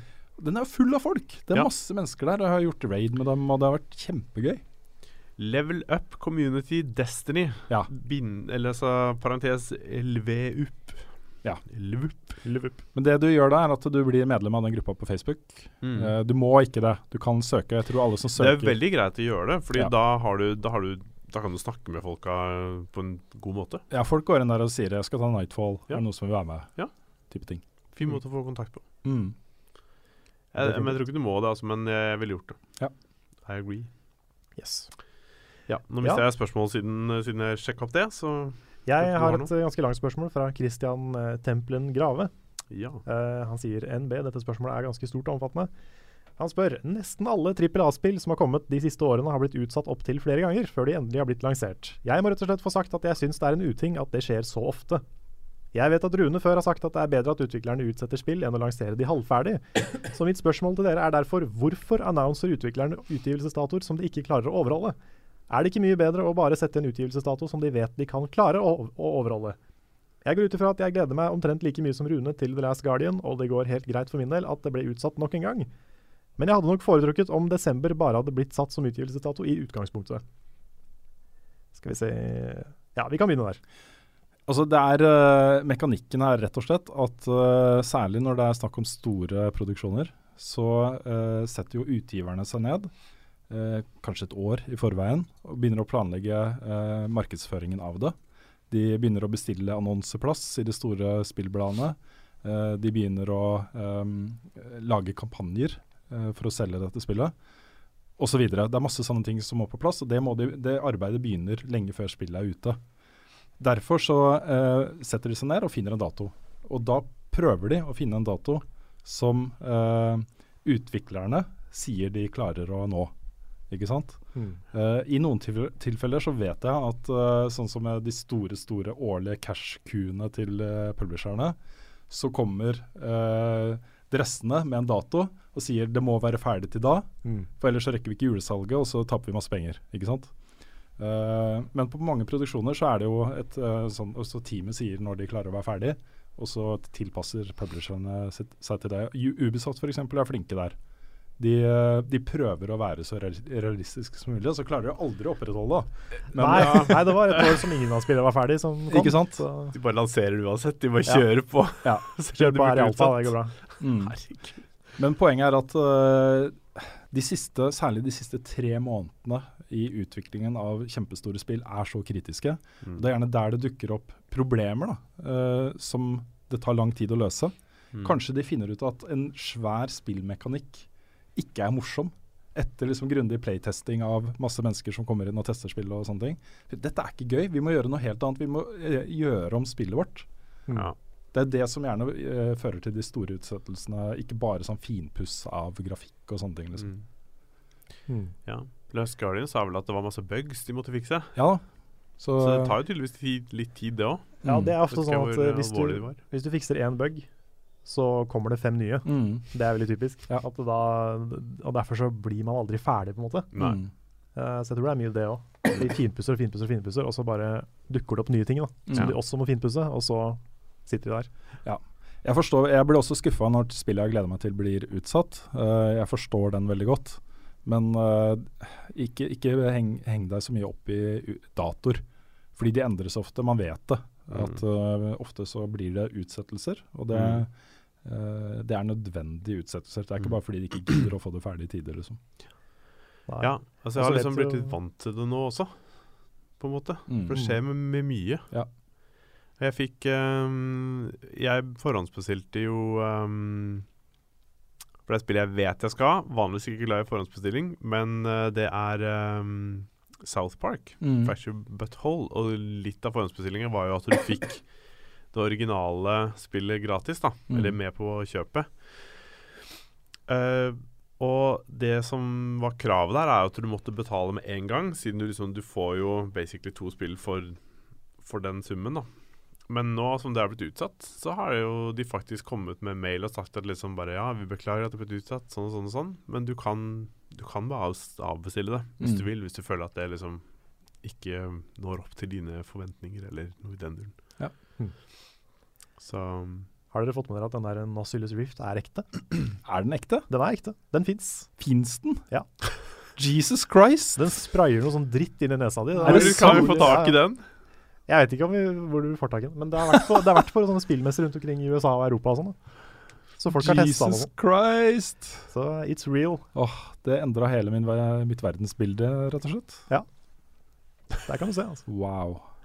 Ja, det hadde vært gøy å prøve, men uh, jeg har litt sånn angst for lukter som ikke er helt Ja, for jeg har hørt at det, eh, det lukter ikke promp, liksom. nei. Jeg hørte på den Jimquisition-podkasten i går, ja. og hun ene som har prøvd den, hun beskrev den lukta som ganske fæl. Da. Det var sånn her en blanding av uh, holdt på å si oppkast og gammel fisk og mye greier, liksom. Så eh, jeg tror man skal være litt forsiktig med å bruke den. altså. Mm. I hvert fall hvis man er følsom. Jeg tror vi må begynne å tenke på å runde av. Har vi et uh, siste eller to spørsmål? Ja, Ja, så jeg har i hvert fall et, spør et spørsmål jeg har lyst til å ta. Om det er et bra siste spørsmål, vet ikke jeg. Men øhm, det er fra Tobias Holte Stea, som lurer på nå som jeg går over til konsoll, lurer jeg på én ting. Bør jeg kjøpe spill i fysisk eller digital utgave? Ja, det er også et godt spørsmål. Mm. Um, det blir litt preferanse, altså. Hvis du, øh, hvis du um, er flink til å vedlikeholde din uh, uh, konto på PlayStation Network eller uh, Xbox Live, Ja. og sørge for å liksom hele, at den er, du vet hva passordet ditt er og brukernavnet ditt Mm. og alle de tingene, Mm. så øh, foretrekker jo jeg digitalt. Ja. Uh, jeg ser nå, jeg fikk jo, eh, jeg gikk ut og kjøpte en ny Xbox One S, og kunne gå inn og bare installere Braid og alle de tingene som, som jeg hadde kjøpt på min konto. ikke sant? Mm. Jeg syns det er ganske behagelig. Det samme Mm. på PlayStation. ikke sant? Du går inn i library, så kan du bare installere ting du har kjøpt digitalt. Ja, sant. Ja, og så er det litt sånn derre I latskapens navn så slipper du jo å gå og bytte spill, da. Mm. Og det er blitt litt sånn Ja. Det er ikke alle som nødvendigvis må reise seg opp, men altså um, Og I tillegg så har jo den sånn der, convenience. ja, ikke sant? Og i tillegg så har den der PlayStation 4-versjonen som er ute nå, den har jo en sånn greie som gjør at eject-knappen ligger liksom i nærheten av noe som blir ødelagt ganske ofte.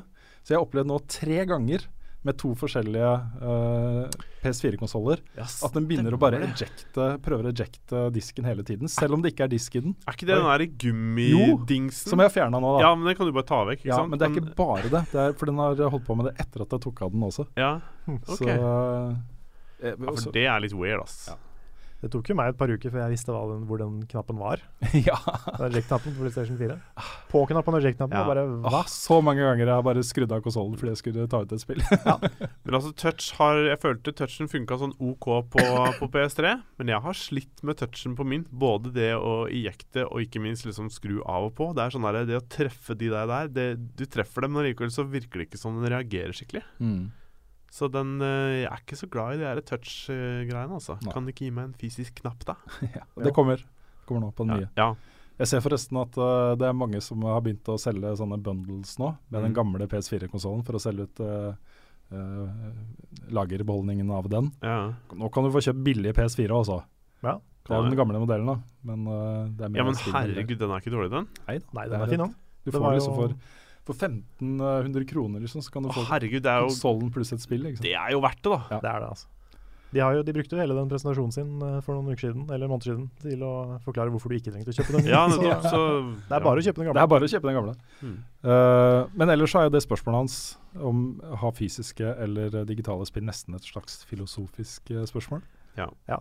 jeg også er team digital, altså. Ja, jeg er Jeg det. har blitt det. Selv om det er kult å ha en stor samling, så Mm. eh, har jeg ikke så mye mer hyller igjen. Ja. Altså Hvis du har plass, og du ønsker å liksom ha det på en måte en utstilling og liksom ha- litt sånn samledilla, Mm. så, så why not? Gå for det Ja, fysisk. kanskje, kanskje kjøp Collectors Edition av det du digger. Mm. Ja. Så får du kanskje en sånn kul figur med og litt sånne ting. Jeg ser Ja, nå, da kan du få en kul samling til slutt. ja, ikke sant? For jeg ser nå også at, uh, at uh, det fysiske spillmediet er i ferd med å bevege seg litt over i, i den samme retningen som Albu, album, også LP-er har tatt. Hvor det å på en måte samle på LP-er nå har blitt veldig stort igjen. da. Ja. Mm. Og disse versjonene som kommer til LP, liksom, album, De er så forseggjorte og har så flott artwork og sånn ordentlig digg, da. Ja. Jeg er ikke på det kjøret selv, altså, men jeg kjenner at jeg har litt lyst til det. ja. Jeg ser f.eks. nå at uh, Owlboy, som jo er et uh, digitalt spill, kommer jo i en uh, fysisk samlerutgave. Mm. Jeg tror det er via Good Old Games eller noe sånt. Jeg husker ikke helt. Men Indiegogo er det, tror Ja, jeg. ja, mulig. En av de. Jeg husker Mm. ikke. Beklager, jeg husker ikke. Men, uh, men det da må du liksom aktivt gå ut og skaffe deg en fysisk Mm. versjon av noe du har, har liksom brenner litt for, da. Ja. Kanskje de skal begynne å gi ut sånn som Theme Hospital på vinyl? ja. Bare for å få liksom ja. virkelig Vinyl var det ordet jeg så etter i stad. Ja, altså Men det er jo litt sånn egen følelse og um, stemning over å gjøre det. Mm. Akkurat jeg også har veldig lyst til å ha en del ting på vinyl og gjøre det. Det eneste som stopper meg fra det, er Det koster penger. Mm.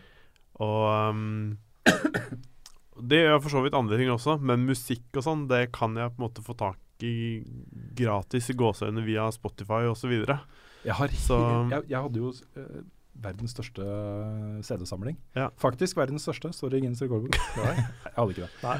Mm. Den er liksom, den forsvant. Den er altså null interesse av fysiske Mm. CD-er. Det er Mm. virkelig null. Mm. Jeg, jeg ville ikke tatt imot fysiske CD-er nå hvis noen hadde betalt meg penger for det. på en måte. Det er veldig mye penger, kanskje en million kroner, liksom. Så. Men eh, der er Spotify har tatt over. Rett og slett, altså. Ja. Mm.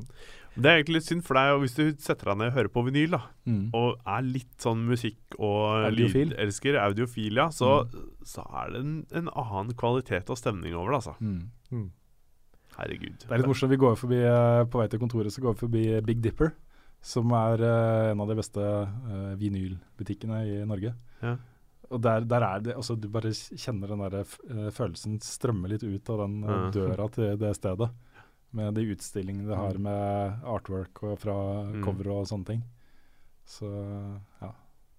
Det har et sitat fra uh, John Peel, som er Jeg vet ikke helt om han er en lyd, lydmann, i, britisk lydmann. Uh, I vinduet der, uh, hvor en Det var noe et eller annet om at eh, noen hadde sagt at CD var så mye bedre fordi den ikke hadde noe surface noise. Og så sier John Pila eh, Life uh, has surface noise. It's like life. ja, det var et veldig dårlig gjenfortelling av det sitatet, men uh. Ja. Ja, men apropos ting som koster mye penger, Mm. så kommer jo nå Final Fantasy Trading Card Game okay. uh, ut av Japan. Ja. De er ganske fine, de korta, så jeg er litt bekymra for, for pengebruken på akkurat det. Ja. Jeg får se om jeg klarer å holde meg unna. Skal jeg ta et siste spørsmål, hvis ikke noen har noen uh... Ja, kjør på. Er har ingen flere her, så Det er fra Mats Østreng Veland på Patrion. Hva var det første spillet dere spilte, og når? Jeg personlig begynte med Spyro the Dragon da jeg var fire. Dette har vi vel svart på før, men Ja. for, uh, til glede for Ja. nye lyttere. For meg var det Pong. Ja. Ja, Det er kult at du begynner på Pong. Altså. ja, det er Det er veldig kult. ja, for jeg, jeg husker ikke ordentlig hvem som var det første, men hvis jeg skal liksom Det må ha vært et eller annet sånn derre Asteroid-spill eller noe, for det var Atari var det første jeg Første jeg prøvde ut, og så var det Commodore 64, og så var det Nintendo. Mm. Men jeg klarer ikke å huske hvilket spill som var først. Jeg veit jeg spilte det her um, Er det Space Invaders det heter, eller noe sånt? Der du skyter Du er et så lite skip, og så skyter Mm. du sånne aliens som detter ned på toppen. Uh, det har jeg sånne vage minner om at jeg, har, at jeg spilte f I hvert fall før Mario, så jeg, jeg vet ikke. Mm. Ja. Husker Eh, du din første kjærlighet? nei, På pinne. Eh, mitt første spill var uh, Det var jo Sonic. Mm. Sonic 1 på Sega Mega Drive. Det var uh, min kjære Brio-onkel. Min magiske leketøy-onkel. Som bare hadde masse ting som han tok med til oss Ja. fra Brio. Så da fikk jeg vennepris på Sega Mega Drive og so Sonic 1. Det er så bra at dere husker de tingene. Så jeg, jeg, har, jeg føler liksom at jeg bare har glidd inn i det, og så har det blitt en greie. Jeg Mm. har liksom ikke sånn derre Defiant, hva heter det? Sånn definerende øyeblikk hvor det liksom bare Dette! Ikke sant? Det er ikke dårligst til å starte det. Nei, det var et vis å starte. Og så hadde jo alle vennene mine hadde jo Nintendo-ting. Så Mm. da fikk jeg spilt liksom Sega hos meg, og så fikk jeg spilt Nintendo hos alle andre. Mm. Mm. Så det var veldig greit. Kult. Yes, skal vi runde av? Vi gjør det. Da gjenstår det egentlig bare å si hjertelig tusen takk til alle som har hørt på denne podkasten. Og ekstra hjertelig stor takk til dere som er med og backer oss på Patron. Det setter vi fantastisk stor pris på. Ja, Det må også nevne Vi gikk jo ut til, eh, til eh, de som donerer ti dollar eller mer, gruppa vår, på Patrion, med noen um, spørsmål rundt veivalg vi må ta nå fremover. Også ting som angår driften av selskapet og hva vi skal produsere og sånne ting. Mm. Og den responsen der, folkens, det er he er helt blåst av banen av det. For det er så gode forslag og så gjennomtenkte ting. Mm. De forstår oss, liksom. De forstår greia. Føl nå føles det enda sterkere at vi gjør dette her sammen. Ja, for det er så deilig å merke at vi er litt på altså mye av det vi tenker. Uh, det får vi også bekrefta. Uh, pluss at det er en del ting som vi ikke har tenkt på. Mm. Som vi også får en del ideer av å lese. da. Ja. Så det føles som vi er litt på samme side. Ja, Uh, veldig. Og det er så deilig. mye oppegående folk der, altså. Mm. Som har ekstremt gode forslag. Ja. Skal vi si noe om hva vi har tenkt der, eller skal vi vente med det? Skal vente litt. Rann. For det er jo ting, valg vi må ta i forhold til Månedsmagasinet og sånne ting, Mm. som, som vi kommer til å informere om veldig snart. Ja. Så det, det kommer. Mm. Så da avslutter vi med ukens eh, spillsitat. Det ble mye Destiny i dag også, så da blir det en avslutning med Destiny. I don't even have time to explain why I don't have time to explain.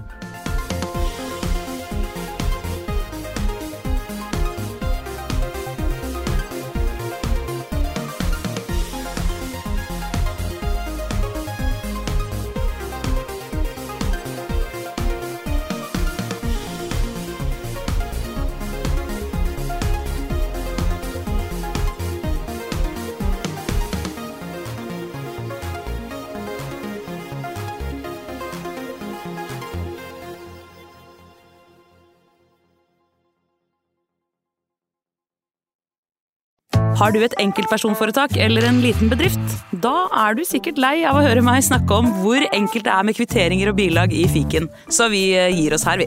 Fordi vi liker enkelt. Fiken superenkelt regnskap.